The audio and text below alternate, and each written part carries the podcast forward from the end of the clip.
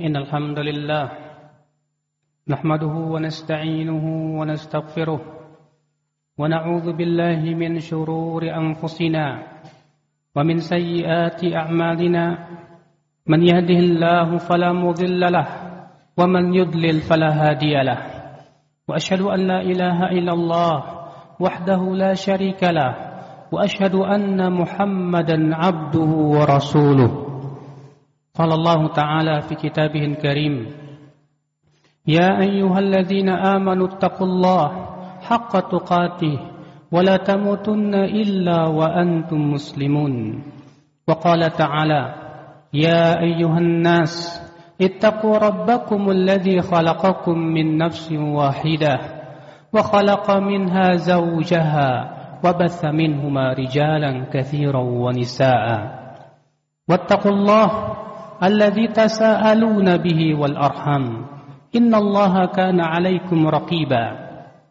وقال تعالى يا أيها الذين آمنوا اتقوا الله وقولوا قولا سديدا.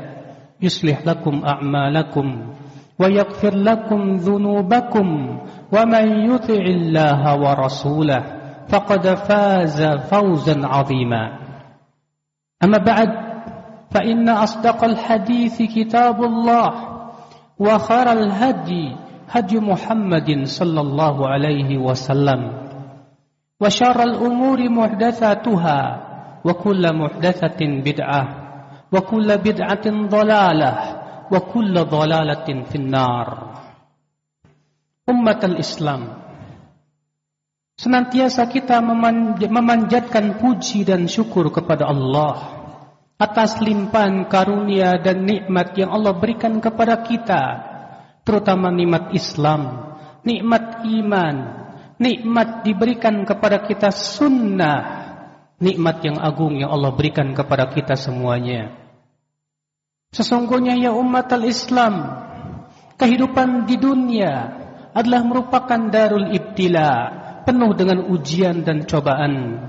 Syaitan telah bersumpah di hadapan Allah untuk menyesatkan hamba-hambanya. Iblis berkata, "Fabima aghwaytani la aq'udanna lahum siratakal mustaqim."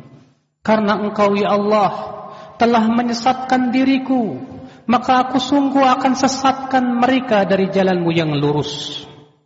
Maka syaitan pun dengan bala tentaranya saling membantu dan saling memberikan wahyu di antara mereka untuk sama-sama menggoda manusia dan menghalang-halangi manusia dari jalan Allah. Allah berfirman, "Wa kadzalika ja'alna likulli nabiyyin aduwan syayatinal insi wal jin yuhi ba'dhum ila ba'din zukhrufal qawli ghurura." Demikianlah kami jadikan untuk setiap nabi itu syaitan-syaitan dari kalangan jin dan manusia yang saling mewahyukan satu sama lainnya dengan ucapan kata-kata yang indah dan menipu. Tak pernah mereka berhenti untuk menghalangi manusia dari jalan Allah. Berbagai macam cara mereka gunakan untuk menggoda manusia dari jalan Allah Rabbul Izzati wal Jalalah. Ketika seorang hamba lalai di sanalah syaitan akan masuk untuk menggodanya. Di sanalah syaitan akan menang terhadap manusia. Karena Allah berfirman, وَمَنْ يَعْشُ عَنْ ذِكْرِ الرَّحْمَنِ نُقَيِّدْ لَهُ شَيْطَانًا فَهُوَ لَهُ قَرِينٌ Barang siapa yang berpaling dari zikir kepada Ar-Rahman, maka kami akan jadikan syaitan sebagai temannya dan setan itu akan senantiasa menemani dia. Ummat al-Islam, Sesungguhnya jihad melawan syaitan adalah merupakan jihad yang wajib. Oleh karena itu Ibnu Qayyim mengatakan bahwasannya antara jihad melawan diri sendiri dengan jihad melawan musuh di luar ada jihad yang ketiga yang harus kita lakukan. Karena yang ketiga ini adalah musuh yang tak terlihat. Ia adalah musuh yang senantiasa memberikan was-was dalam hati manusia ia yang senantiasa memberikan syubuhat, pemikiran-pemikiran yang menyimpang. Ia yang memberikan motivasi untuk syahwat. Ia adalah syaitan. ia adalah iblis dan bala tentaranya ya umat al-Islam a'azzani Allah wa iyyakum Akhal Islam a'azzani Allah Berbagai macam cara iblis menggoda manusia banyak pintu-pintu yang dimasuki oleh iblis la'anahullah untuk menghalang-halangi manusia dari jalan Allah Rabbul Izzati wal Jalalah.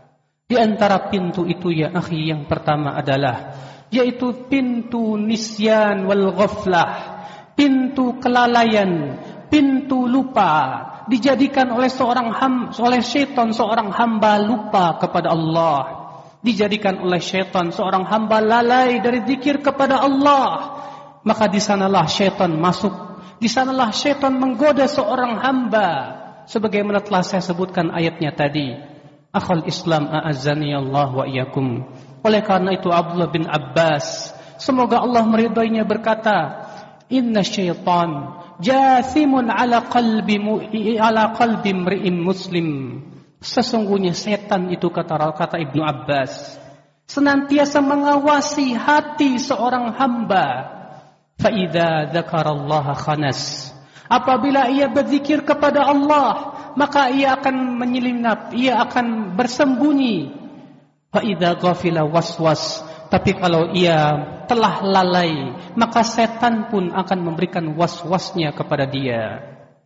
Di antara pintu itu ya akhi, yang dimasuki oleh syaitan yaitu al-jahl, kebodohan terhadap agama Allah.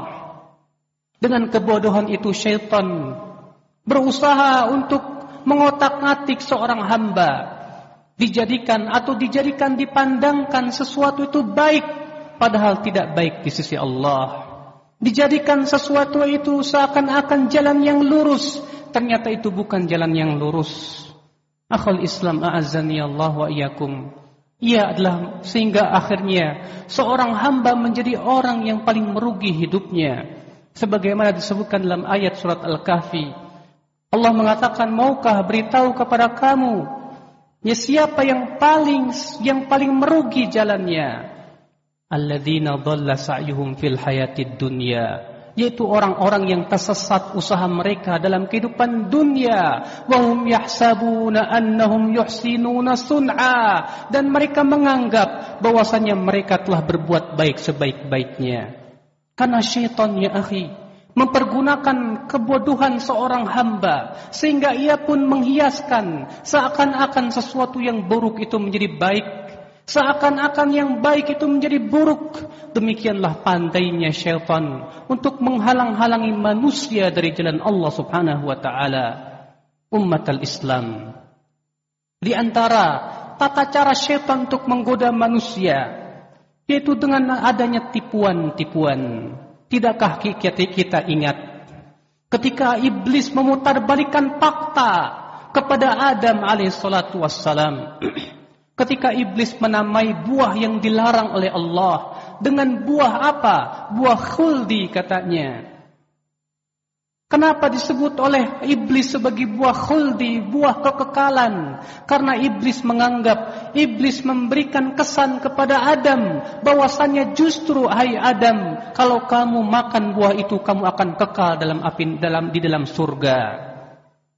Oleh karena itulah Allah Subhanahu wa taala mengkisahkan bagaimana iblis menggoda Adam alaihissalatu wassalam di dalam surat Al-A'raf.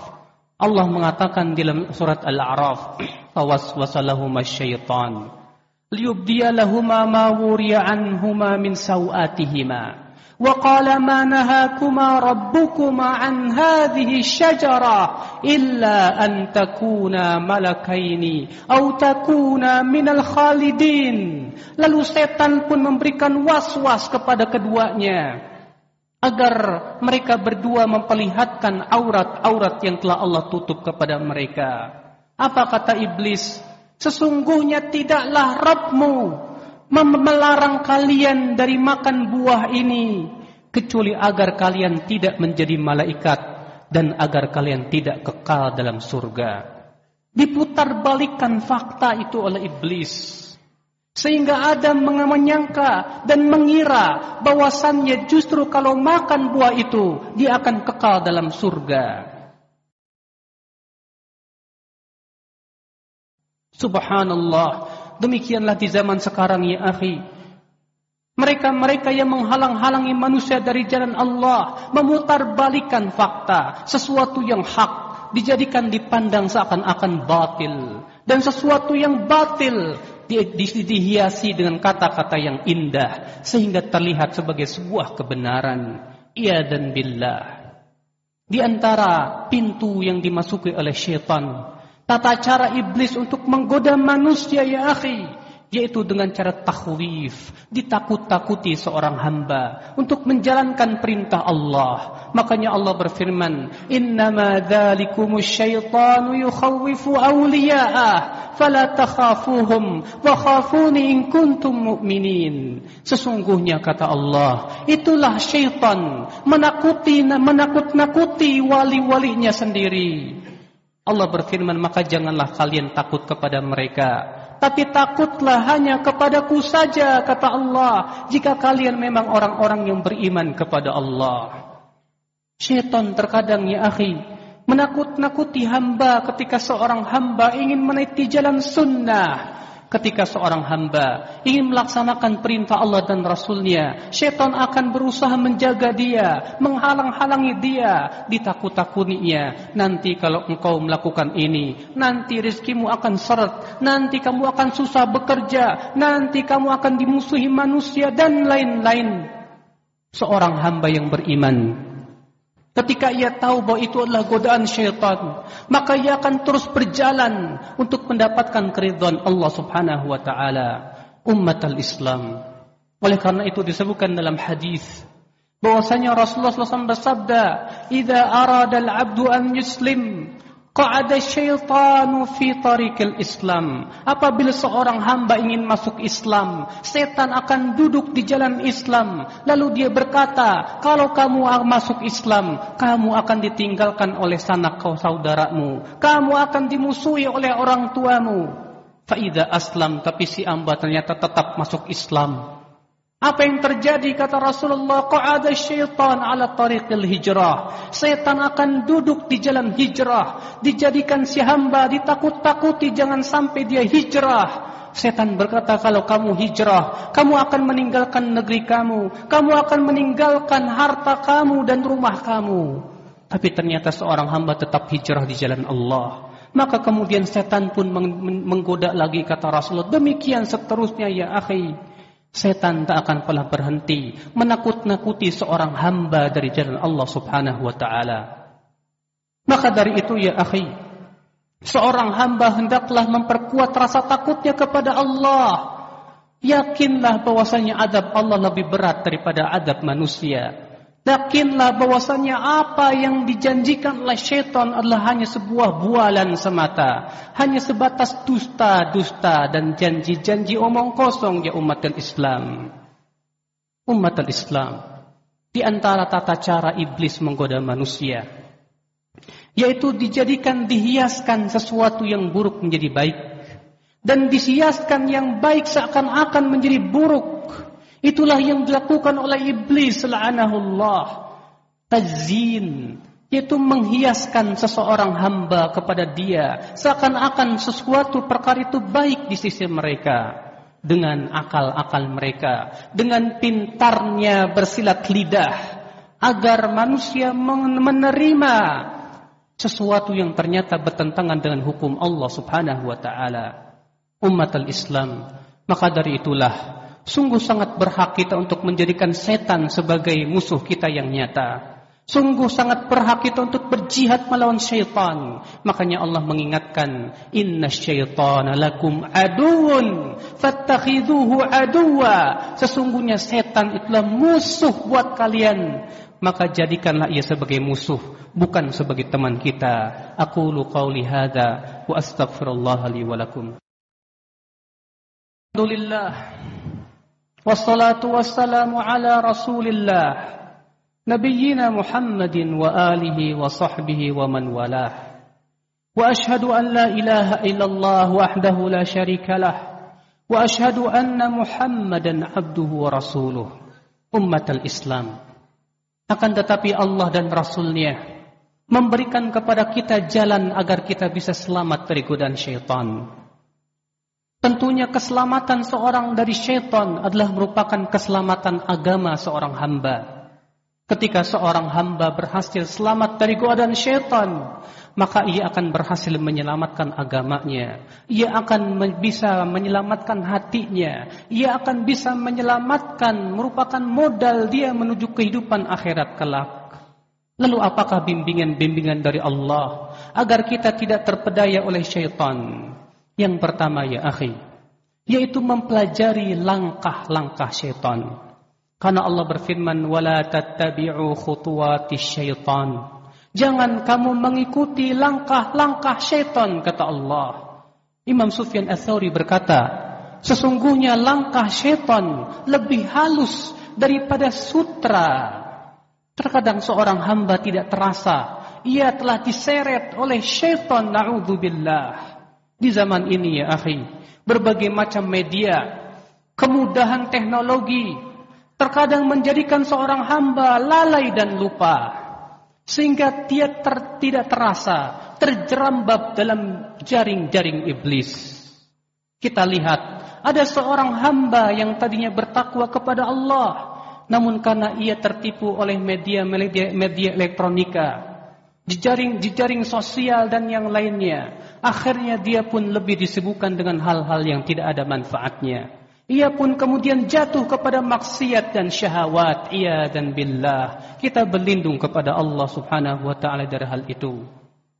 Maka ini yang pertama ya akhi. Pelajarilah langkah-langkah syaitan itu. Karena syaitan sangat pintar dan lebih berpengalaman dari kita untuk menyesatkan hamba-hamba Allah subhanahu wa ta'ala. Kemudian yang kedua ya akhi, agar kita terlindung dari syaitan, yaitu kasratu zikrillah, dengan banyak berzikir kepada Allah Subhanahu wa taala. Seorang hamba yang banyak berzikir kepada Allah, maka syaitan akan ber, akan jauh darinya. Ketika Allah mewahyukan kepada Yahya bin Zakaria untuk menyampaikan lima perkara Ternyata Yahya bin Zakaria agak terlambat untuk menyampaikannya. Lalu ditegur oleh Nabi Isa alaihissalatu wassalam. Maka Yahya Zakaria mengumpulkan orang-orang semua di masjid sehingga masjid pun menjadi penuh. Di antara perkara yang diwahyukan oleh Allah kepada Yahya apa? Alaikum bizikrillah. Hendaklah kalian berzikir kepada Allah. Karena permisalan orang yang berzikir adalah orang yang dikejar oleh musuh Lalu kemudian ia bersembunyi di sebuah benteng yang kokoh. Demikianlah syaitan. Syaitan berusaha terus mengejar manusia untuk menggoda dia. Ketika ia berzikir kepada Allah, maka ia telah berlindung dengan benteng yang kokoh dan kuat. Ia adalah zikir kepada Allah Subhanahu wa taala. Oleh karena itu ya akhi, Allah dan Rasulnya menyuruh kita banyak berzikir. Ya ayyuhalladzina amanu dzkurullaha dzikran katsira wasabbihuhu bukratan wa asila. Hai orang-orang yang beriman, berzikirlah kepada Allah dengan zikir yang banyak dan bertasbihlah kepada Allah di waktu pagi dan petang. Itu yang diperintahkan oleh Allah. Kemudian yang ketiga ya akhi, kita terus menuntut ilmu Allah. Duduk di majlis-majlis ilmu yang diajarkan padanya Al-Quran dan hadis sesuai dengan pemahaman para ulama dari kalangan sahabat tabi'in, tabi'ut tabi'in dan para ulama yang mengikuti manhaj mereka. Dengan mengikuti kajian-kajian ta'lim, hati kita akan senantiasa tersiram. Kita pun terus diingatkan dan diingatkan. Tapi ketika kita telah mulai lengser dari majlis ta'lim, Ketika kita telah mulai enggan pergi ke majlis taklim, di sanalah hati akan gersang dan setan pun kemudian akan mengikuti dia sehingga akhirnya dia pun menjadi orang-orang yang sesat ia dan billah. Umat al-Islam a'azzani Allah. Terlebih di zaman fitnah ini ya akhi. Ketika syaitan dan bala tentaranya begitu kuat menggoda hamba, fitnah merajalela, kemaksiatan di mana-mana, kebid'ahan, kesyirikan, khurafat, demikian pula syubuhat. Janganlah Anda bertanya. Sangatlah butuh kita kepada ilmu yang bisa menyelamatkan agama diri kita.